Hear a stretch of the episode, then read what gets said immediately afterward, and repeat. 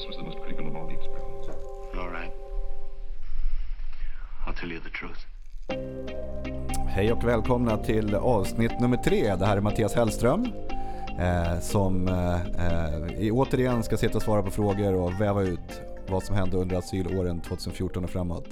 Men moderator är Jens Ganman och som vanligt har vi med Galaxia. Jens, varsågod. Hej, hej. Jag sitter och äter lite apelsin här. Det låter väldigt oförskämt. Jag ska tugga ur. Vi ska börja det här.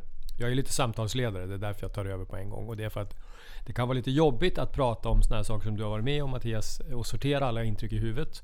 Det som hände under flyktingkrisen när du startade massa asylboenden. Så att jag har tagit på mig att vara lite så diktator. Och, Och leda det tycker jag är toppen. Ja, Det är- det är bra. Och så är Galaxia med som den, vettiga, den vuxna personen i rummet som säger de saker som är bra när vi drar iväg. Så. Eh, vi slutade förra avsnittet med en, en liten cliffhanger att vi skulle prata om rubriken, ursäkta, rubriken ensamkommande barn eller sagan om leken med ålder. Och nu blir vissa som lyssnar jättenervösa och tycker att oh, det här är jobbigt att prata om. Man ska inte prata om det här med ålder och, och, och ensamkommande och så. Men du har ju lite egen erfarenhet kring det här och kan berätta hur, hur var det egentligen? Ljög alla om sin ålder eller ljög ingen om sin ålder? Nej, jag, jag ska, ska börja avgränsa mig själv lite grann. Och det är, jag har ju inte arbetat på HVB-hem där de ensamkommande ungdomarna bor. Eh, däremot så oaktat så, så springer man in i det här eh, runt hela landet och i den branschen som man har jobbat i. Fenomenet med ålder. Fenomenet ålder, absolut. Och det är, eh, jag- det är klart att det, det finns de som har eh, undanhållit sin riktiga ålder i syfte att eh, få stanna kvar i Sverige. Det hade jag också gjort förut. Så det är väl inga konstigheter så. Ehm, och det, jag tycker att det som är intressant här är ju fenomenet runt om. Hur man eh, med kraft från volontärer och liknande liksom helt blint tar den här diskussionen. Återigen, eh, vi, vi har sagt tidigare att de här diskussionerna de är inte nyanserade.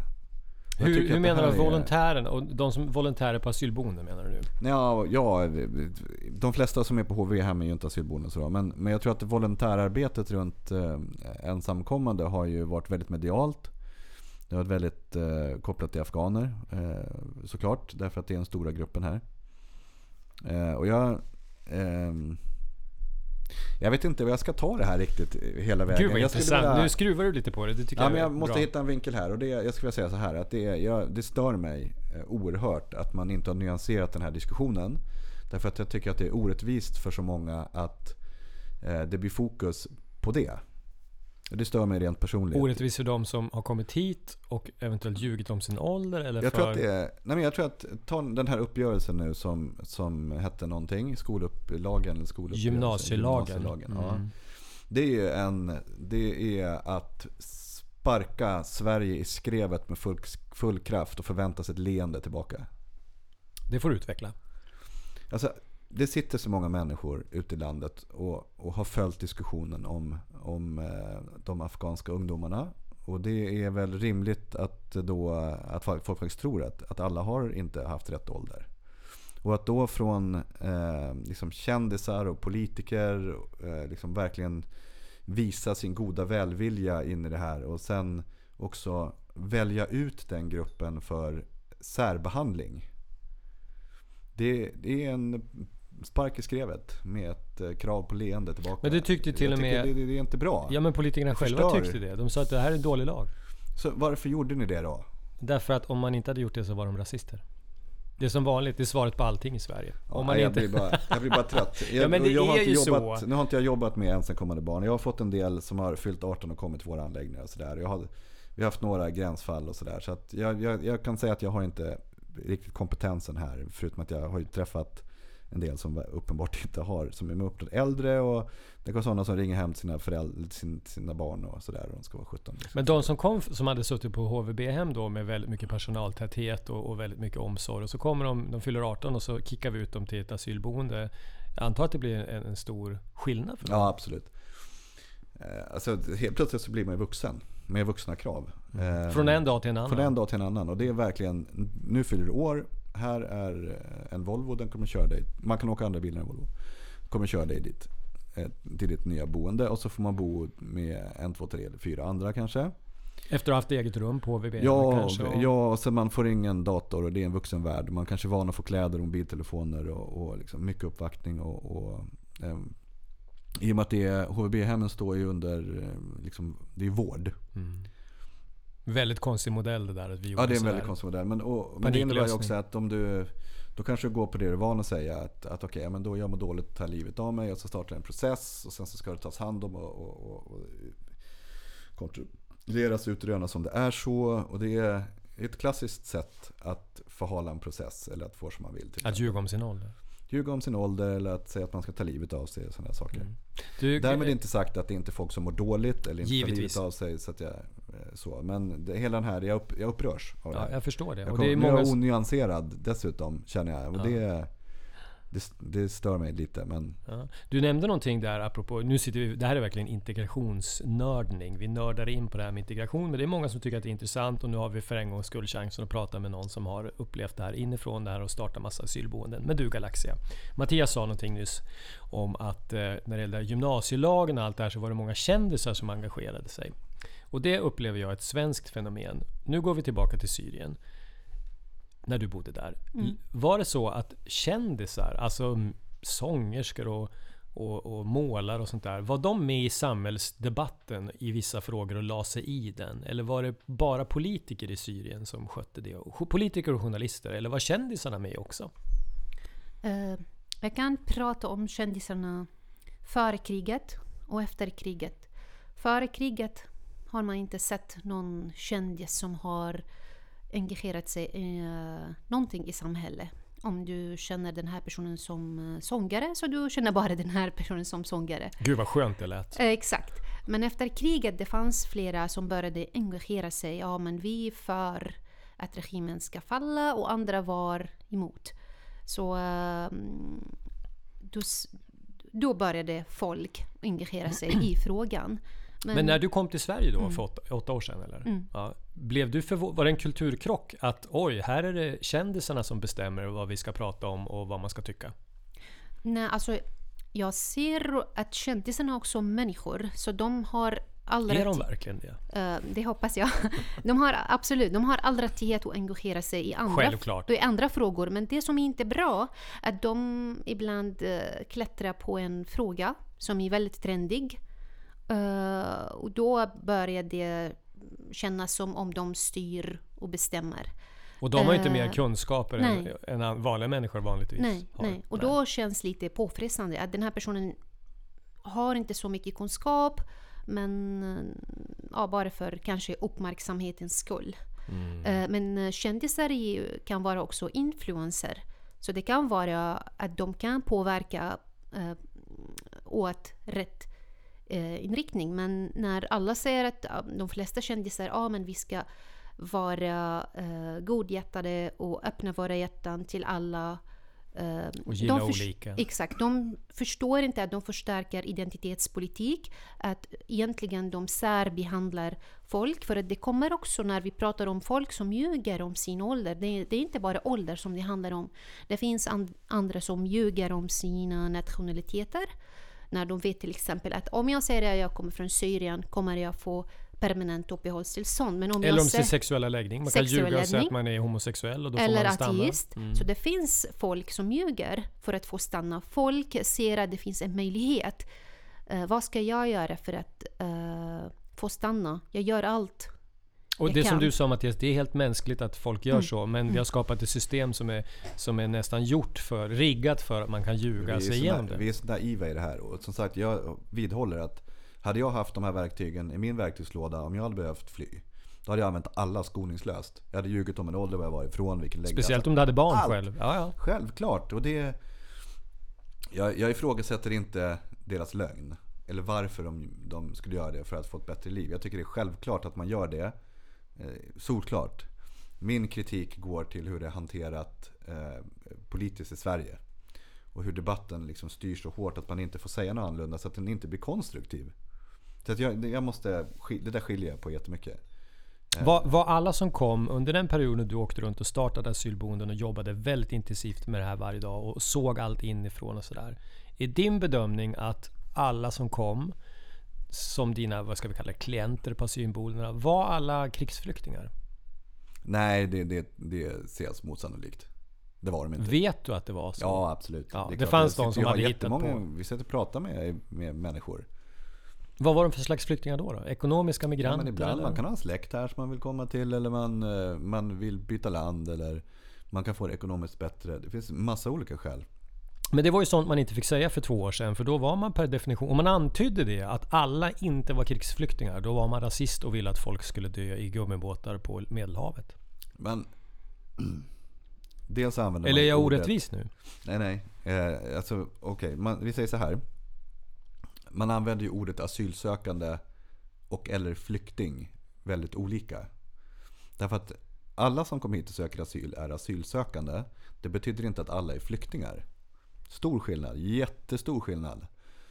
Och här borde nog Sveriges samlade mediakår gått en, någon typ av grundkurs i Migrationsverkets terminologi innan man fick ens ansvar för en penna. För Migrationsverket, de hade ganska bra koll. De hade en bra indelning på det här. Vi ska inte basha dem för Den är mycket. solklar. Det är en Den är myndighet. solklar, det är ja. någon som är stringent och uppstyrd när det gäller sånt här så är det Migrationsverket. Som då till exempel kallar en sån som Galaxia för kärleksinvandrare. Kommer från Syrien, men jag misstänker att du Galaxia ofta möts av uppfattningen att du är krigsflykting bara för att du kommer från Syrien. Alla utgår från att det är så, eller hur? Exakt. Även eh, det som är lite komiskt, att även jag har vänner som, som känner mig ganska väl när de pratar om flyktingar. De säger men du själv, du vet hur det är. Eh, nej, faktiskt jag vet inte för att jag flydde inte kriget. Du kom hit till Sverige strax innan kriget. Strax innan och, och det finns skillnad att du kommer på egen eh, vilja och att du blir tvingad att lämna allt. Det är stor skillnad. Men har det här att göra med att vi svenskar gärna, eftersom vi är något slags härskarfolk uppenbarligen, så fort vi ser någon från ett annat land, då ska vi ta hand om dem och vi ser ner lite på dem och vi tror att de inte förstår bättre och vi måste hjälpa dem. Har du, Mattias, har du gjort dig skyldig till den attityden din, när du har drivit asylboendena? Såg du på alla de här människorna som, inom citattecken, stackars människor? Nej, Nej. Du var lite mer cynisk så eller? ja det kan man nog lugnt Du säga. såg dem Det som individer? Mm. Eh, ja, nej. ja, alltså det, det, jag delar upp min period så här. Första tiden eh, när man, jag öppnade första boendet i Ribbingebäck då. Hur många boenden har du öppnat totalt bara som en parentes? Eh, ja, men jag har driftat kanske ett 40-tal. Sen så vet jag jag öppnat själv 10, någonting kanske. Men när jag öppnade det boendet, då, det var min första, mitt första möte med de asylsökande. Eh, och då hade jag med mig in i det som min närmsta chef, Emil. Han sa något väldigt smart till mig. Eh, för han var ju, eh, har också varit platschef. Och han sa det att du får ge dig några månader. Efter tre månader ungefär, då, då får du ha koll på dig själv. För då kanske det börjar hända grejer. Eh, man kan landa i någon typ av depression och sådär. Och det var, jag hade lite det för mig. För då visste jag att okej, det kan komma någonting här. Och det gjorde det också? Och det gjorde det. Ehm, För jag var också väldigt, jag jobbade dygnet runt, väldigt omhändertagande. Så fort någon behövde något så åtgärdade jag det. Jag liksom var väldigt, tog allas bästa i beaktande. Och tog, du tog alla problem på allvar som de kom Ja. till dig med också? Jag tror att de, de var lite personligt att det, jag kände, det var jag som hade ansvar för dem. Det var mina asylsökande på min anläggning. Det är mitt ansvar att se att de mår bra. Liksom, så. Och det höll ju... Liksom efter ett par månader, då kom verkligheten ikapp. Och liksom att, ja men folk... Alla pratar inte sanning. Liksom, folk ljuger, folk mår dåligt, folk mår inte dåligt. Folk är flyktingar, folk är inte flyktingar. Liksom. De är människor kort sagt. Jag insåg väl då att jag också var en liksom, a pawn in the game of eh, Vi, vi har varit naiva. Som statsministern sa, vi har varit naiva. Jo men jag, jag, var, jag har alltid varit naiv. Så det, var, det var ingen sådär stor grej för mig att fortsätta vara det en stund. Men sen efter det så har jag blivit mycket, mycket mer cynisk. Och är mycket, mycket hårdare och bedömer människor på ett helt annat sätt.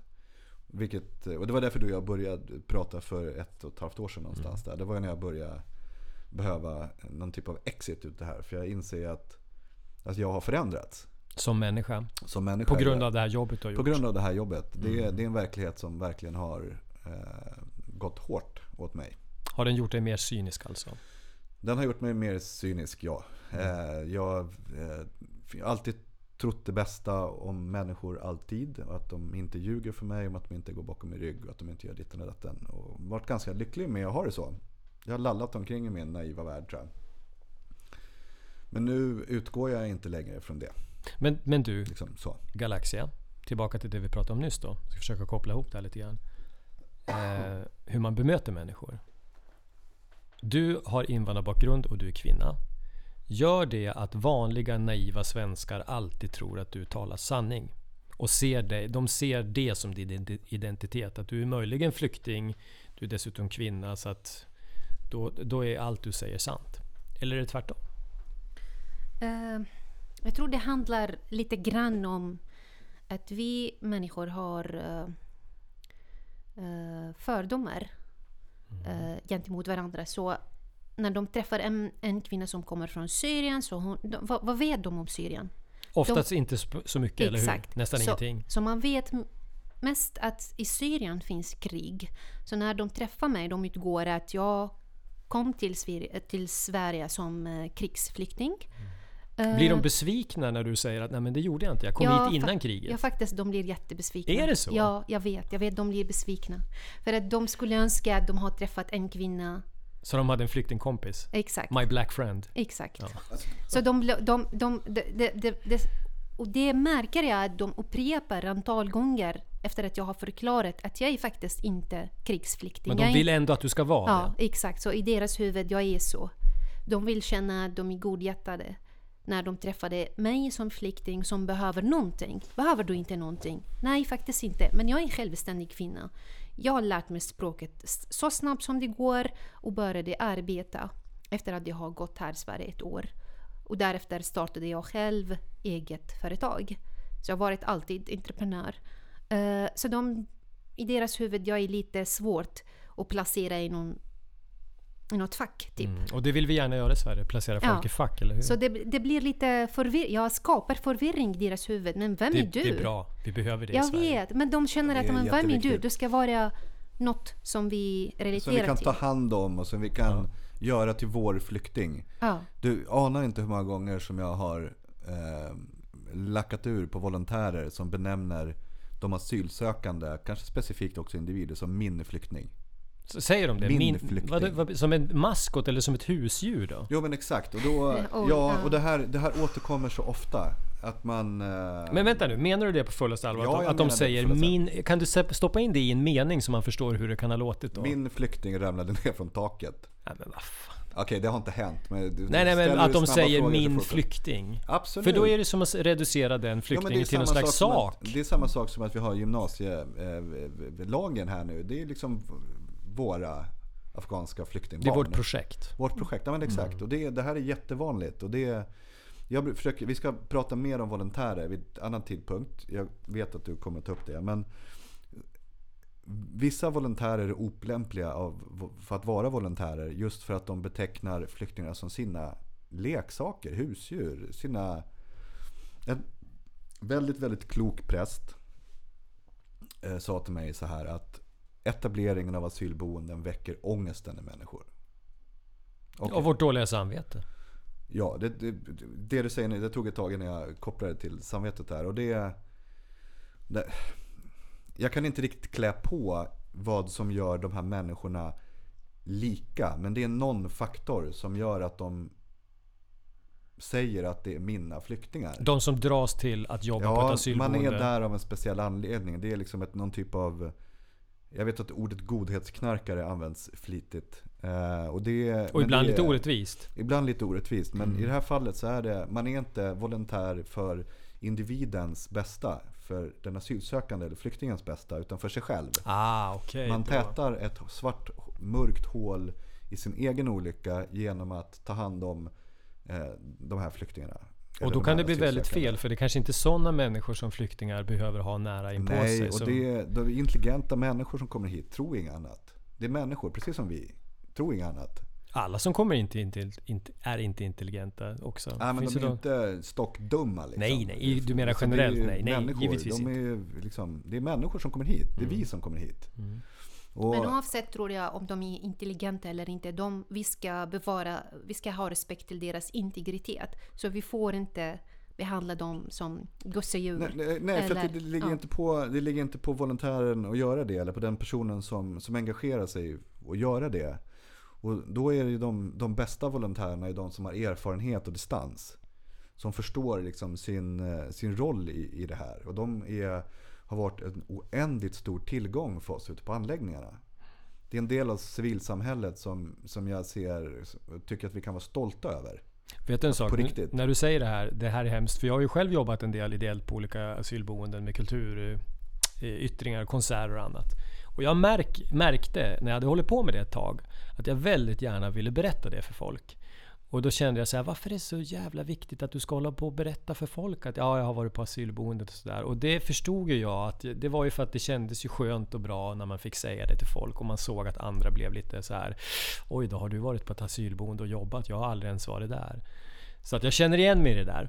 Men du, nu ska vi raskt byta ämne till eh, Al-Assad, för vi var inne på honom förut. Nu har vi en, en kvinna som har bott i Syrien och du Mattias har träffat väldigt många syrier på asylboenden som, som har flytt från Syrien. Det har jag också gjort. Och nu ska jag testa en grej på er. Jag var väldigt naiv när det gällde den här frågan och upptäckte efter att ha träffat många syrier på olika asylboenden att alla var inte emot Al-Assad-regimen. Galaxia, kan du börja med att kommentera det? Ja, men absolut inte alla emot. Det finns jättemånga som är, eh, som är för. Och de hade Och ändå dess- flytt. Ja, och dessutom det finns vissa som varit ehm, som deltog i kriget. Det finns vissa som kommit hit efter att de har mördat människor. De deltog på regimens sida. Regimens sida. Ah, okej. Eller i andras eh, terroristergrupper eh, sidan. Så det var allt möjligt. Men det finns må- många som har kommit hit. De, är, de var för regimen. De är fortfarande för regimen. Har du också den erfarenheten Mattias? Jag, jag, vet, jag kan för lite om de som kom hit för att veta vad de tyckte och inte tyckte. Det, det, det jag kan säga om en fördelning av människor är att vi fick hit en spread av alla. Mm. För, emot, ditten, datten. Det, det, vi fick hit en blandning människor. Det är omöjligt att alla är emot att alla är för. Likheten är att alla vill hit. Det är liksom det som... Men det som jag ville fråga dig Jens. Varför ställde du frågan? Trodde du att de som kom hit per automatik var eh, mot regimen? Ja, det trodde jag. Mm. Och för det var ju den bilden vi hade fått i media. Men så var det en gång en person som sa till mig, en, en kille som var från Aleppo tror jag. Och han sa det att eh, nej men, eh, det var tack vare al-Assad Det var tack vare al-Assad som, som de religiösa krafterna hölls eh, nere i Syrien. Precis som Irak. Och jag har träffat människor från Irak som har sagt att det värsta som hände i Irak det var när Saddam Hussein försvann. För då kunde de religiösa grupperna, grupperna bubbla fram och vi fick Al-Qaida och allt det här. Och när den här killen sa det så var jag så här, nej men gud, jag trodde att alla var liksom mot eh, diktatorn Assad. Men det var inte så. Men som du säger också, det kan ju vara så att den här personen jobbade för regimen. Det vet ju inte jag. Nej. Men du hade en rubrik i dina papper här som vi går efter alla rubriker du har skrivit Mattias. Där hand, jag hittar inte den på studs här, men det var någonting med dictate... Jo, där står det så här. You cannot offer democracy to people who need dictatorship. Varifrån kommer den rubriken? Nej, men det var eh, också från den anläggningen jag driftar själv. Det är en del i min första arbete. Det, var mycket mer hands-on arbete på den anläggningen. Så jag hade väldigt mycket interaktion med de boende på ett sätt jag inte hade sen. Och då hade vi, vi försökte ha, på anläggningen försökte vi ha eh, boenderåd. Där eh, olika personer fick vara med i ett råd och så kunde man eh, liksom de fånga upp frågor från anläggningen så kunde jag sitta ner med dem. Det var som ett filter liksom. Så. Och alla var män. Alla var absolut inte män. Jag, var, det, jag tvingade och var supertydlig med att om det inte finns en kvinna med som Prata engelska som jag kan göra som jag är förstådd med så eh, blir det inget möte. Då bordlägger vi till nästa vecka, punkt. Så, så att det var alltid en, en kvinna inkvoterad. Eh, det tyckte jag var viktigt för att det är viktigt för oss i Sverige att vi har jämlikhet faktiskt. Och det var väl inte helt populärt kanske, men sak samma. Ehm, kontentan var att det funkade en liten stund och sen blev de avsatta. Och så skulle de göra val och det var ingen som ville bli vald. Till det här rådet Ja, på till det här asylboendet. rådet. Det vart liksom någon typ av eh, kaos runt det där. För att dels så vart man, kunde man bli kopplad till att okej, man var med i rådet, då var man lite på min sida, man kanske var min spion och sådär. Så vart de lite paria. Och sen så fick de också ta smällarna från alla undergrupper som ville olika saker. Och det vart ju liksom stökigt. Det vart ju, ja, men det vart ju demokrati i dess mista form eller någonting. Eh, och sen eh, eh, var ju arbetet med att få det så demokratiskt som möjligt på anledningen var ju ett mål vi hade. Att försöka banka in vissa saker. Stå i kö till bussen, typ.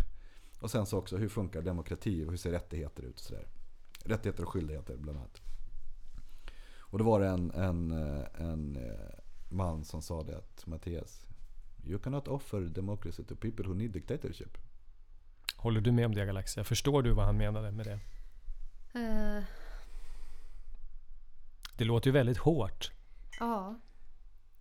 Men finns det någon sanning i det då? Om du har vuxit upp i en diktatur hela livet, så kommer du till Sverige där vi har total yttrandefrihet, demokrati. Är det svårt för sådana människor att snabbt komma in i det tänket? Som det heter, tänket.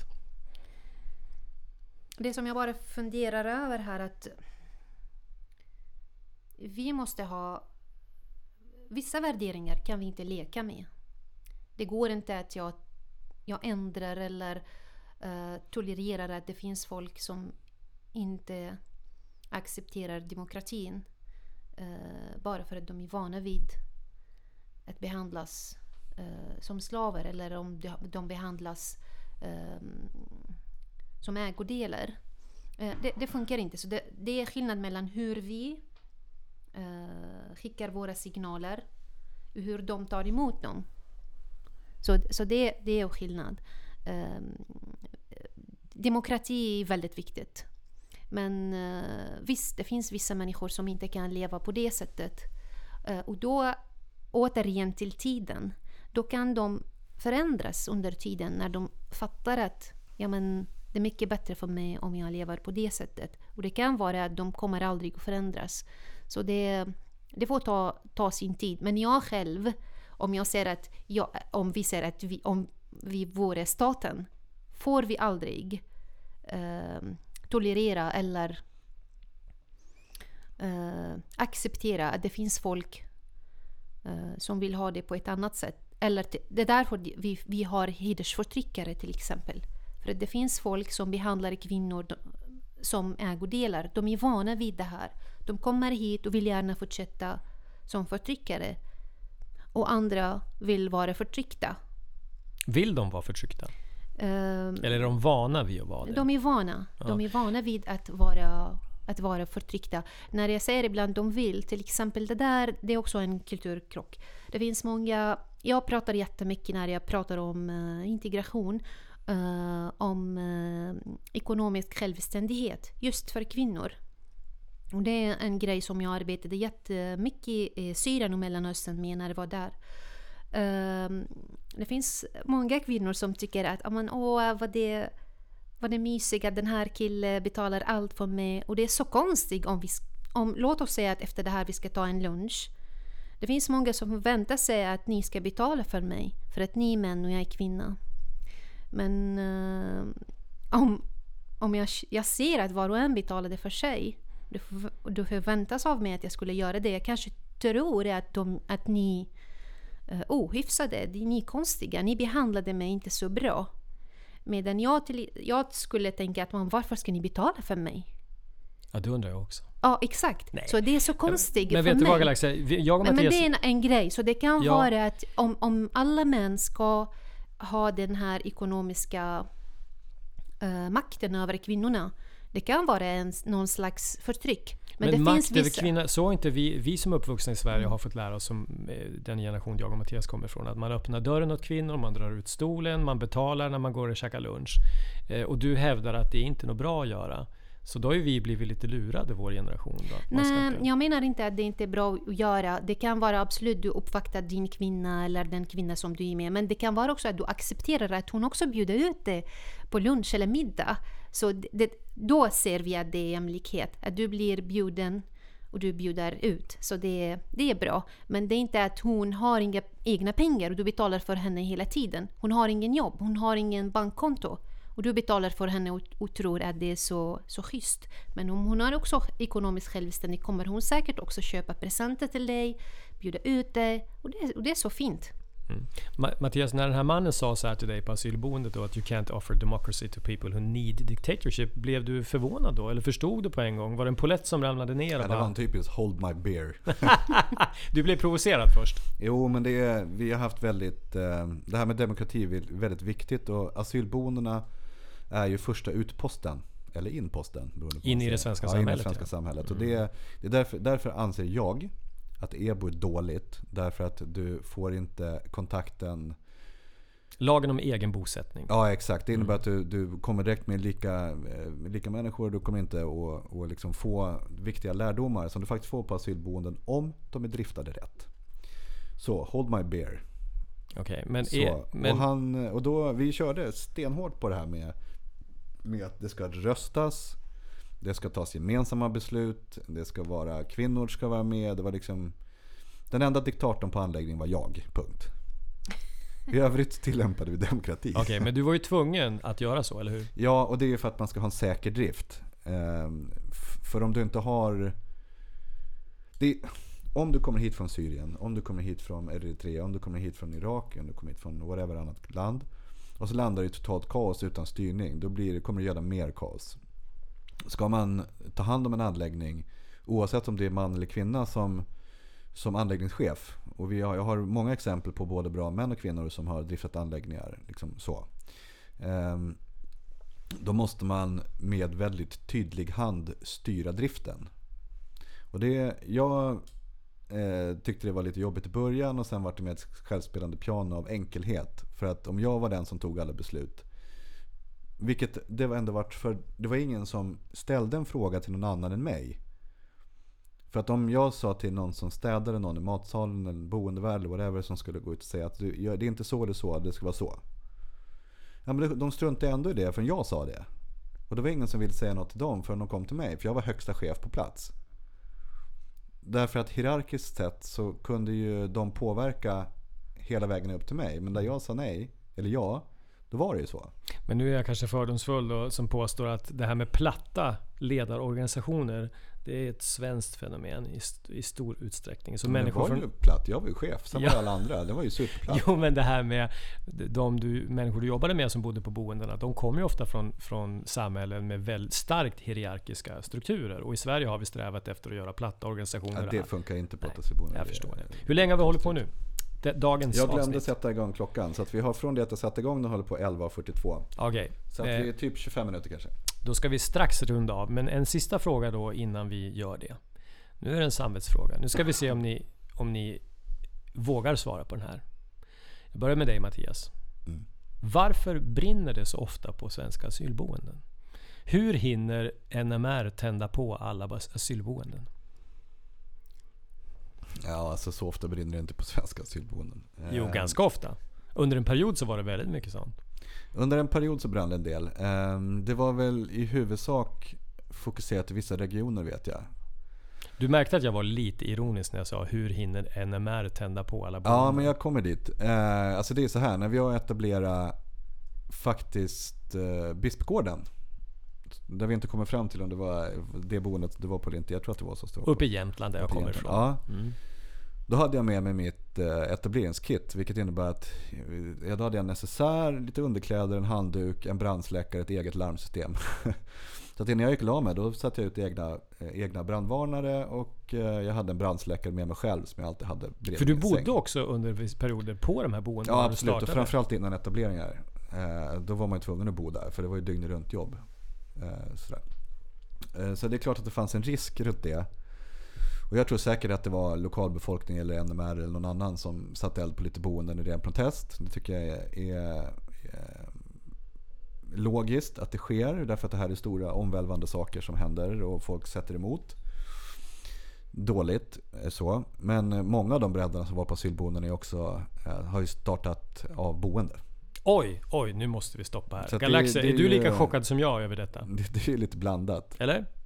Äh, inte så, Inte så chockad? inte så Jag kan säga jag och Mattias som också har varit på många boenden såg ju på olika ställen hur det lagades mat inne på rummen.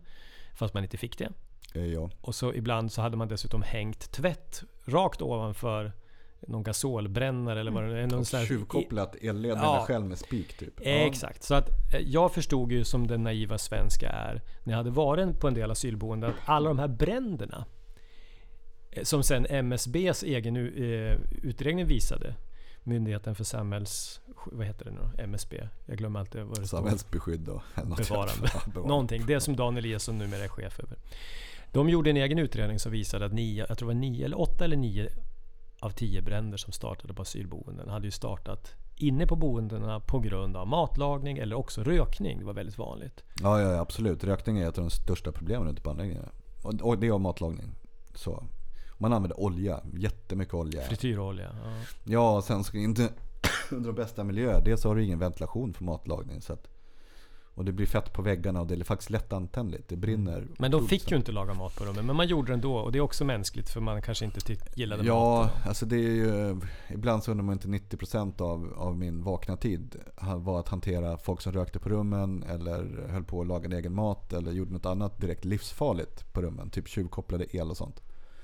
Men mediabilden i Sverige har ju varit att nu brinner det ännu ett asylboende och då är det nazister som har varit ute och fjuttat på.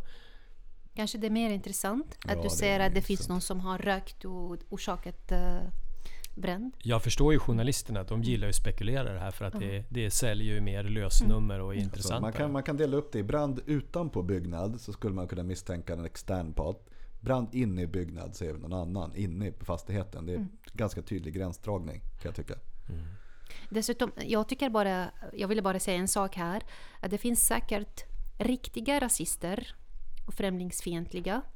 Men när media eh, försöker sätta färdig rubrik på allt, att allt är rasism, då eh, missbrukas. Det går inflation i det. Exakt. Så det finns säkert folk som är idioter som hatar alla invandrare och alla människor eh, som kommer från andra länder. Eller mig.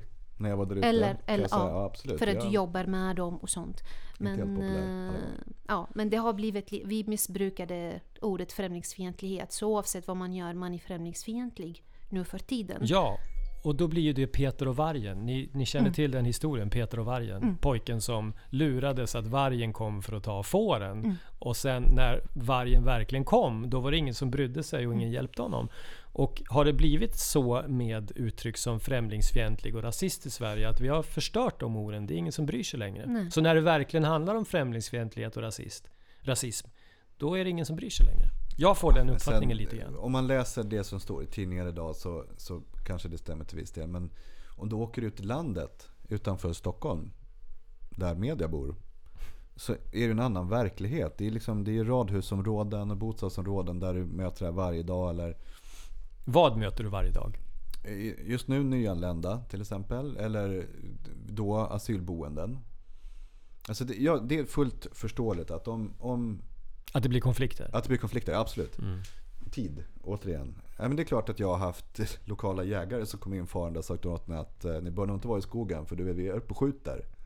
Man bara, men det, vi, vi är i syd och du skjuter norrut. Hur dålig skytt är du? Men har du uppfattat när de har sagt det som ett hot eller bara som omtanke att låt Som har inte... ju stormat in på anläggningen, satt sig ner, stirrat med blint i ögonen med jägare direkt på oss och, och liksom sagt sådana här grejer. De har det? Ja absolut. Ja men hur tolkade du det då? Som nu kommer de och hotar mina flyktingar, mina inom citattecken. kan väl inte jaga upp sig för sånt där. Det fattar väl jag också att han inte kommer att skjuta någon. Men han måste ge uttryck på sitt sätt vid tidpunkten för sin enorma frustration över att bygdens flagghotell inrymmer 250 flyktingar. Och ingen har frågat honom. Det hände på ett dygn Mm. och det är ingen där som haft någonting att säga till om. Som bor där redan. De, de fick inte ha någon... De fick Nej inte men det är tycka grannar, lokal. Det är inte lätt. Det är en liten bygd. Liksom, det är en... Hela den här asylboendeetableringen har ju varit ett enda hagelskott i hela Sverige. Ett hagelskott, hur då? Hagelskott. Om du, I rumpan eller? Ja, Ett saltskott i Ja, rumpan? kanske. Nej men vi har ju förlamat Sverige i ett skott samtidigt. Hela Sverige. Vi har liksom inte gjort ett hål i Dalarna. Utan vi har ju liksom... Har vi inte gjort ett hål i Dalarna? Vad menar du? Nu får du förklara vad du menar med det. Jag fastnar med den Ja. jägarhistorien här. Ja. Nej men om vi, om, om man, vi en, under den här korta tiden, för vi måste ändå säga att krisperioden har varit under väldigt kort tid i förhållande till, till egentligen vilken tidsperiod som helst. Så, så slår man ju hela landet samtidigt. Det är inte en bygd. Det då måste det ha varit liksom 350-400 asylboenden. Det är alltså 350-400 platser där man samtidigt får ta samma problematik på gott och ont. Just det. det kommer att bli på varje ort så finns det en blandning av välvilliga volontärer, volontärer som inte ska vara volontärer, frikyrkor, kyrkor, eh, vanliga människor, eh, näringsliv. Liksom. Det är en bredd av allt där. Och då måste man ta hänsyn till det. Och Självklart. det gör man inte från politiskt sett idag. Utan man har bara låtit det här ske. Känns det som. Och sen så har man så här, ja, civilsamhället. Pensionärerna. Någon har ju suttit på ett möte och bara Civilsamhället. Det är de som ska rädda integrationen. Det här, är, det här blir kanon. Ja, just. Civilsamhället löser det här. Hör ni hur bra det låter? Det låter väldigt svenskt. Att tro att det ska lösa ja, sig så. civilsamhället, Civilsamhället. löser. Så fan det gör. Nej. För det funkar inte så. Därför att, precis som varit inne tidigare på, att vi måste respektera de människorna som finns här. Vi måste respektera de människor som kommer och vi måste ge det här tid. Därför att den ynka tidsperioden som det här har hänt på har inte gett oss möjlighet att reflektera. Förutom att möjligtvis, åtminstone i mitt fall, bara accelerera mitt politikerförakt. Vi, vi stannar där för nu, nu är vi uppe i en dryg halvtimme. Nej men vi sparar det till nästa avsnitt. Då tänkte jag att vi skulle prata om... Jag ska fråga Galaxia i nästa avsnitt vad som hade hänt om man hade öppnat ett eh, svenskt asylboende i en liten by i Syrien och vilka reaktioner som hade utlösts där. Och så ska vi också prata om rubrikerna Musse Hasselvall, Samtalsklimat och lögner. Eh, du, you are grounded gubbajävel. Och lite andra rubriker som Mattias har skrivit upp. Men det får vi reda på i Det är nästa. lite otäckt att du använder mina... Nej men jag tycker att de är bra. Ja. För de, det finns en story bakom varje sån Ja men det gör det. det gör Och det tar vi i nästa avsnitt. Ja. Tack för att den kom idag igen. Tack för bra modererat. Eh, tack Galaxia. Tack. Hej då. Ses snart. Hej då.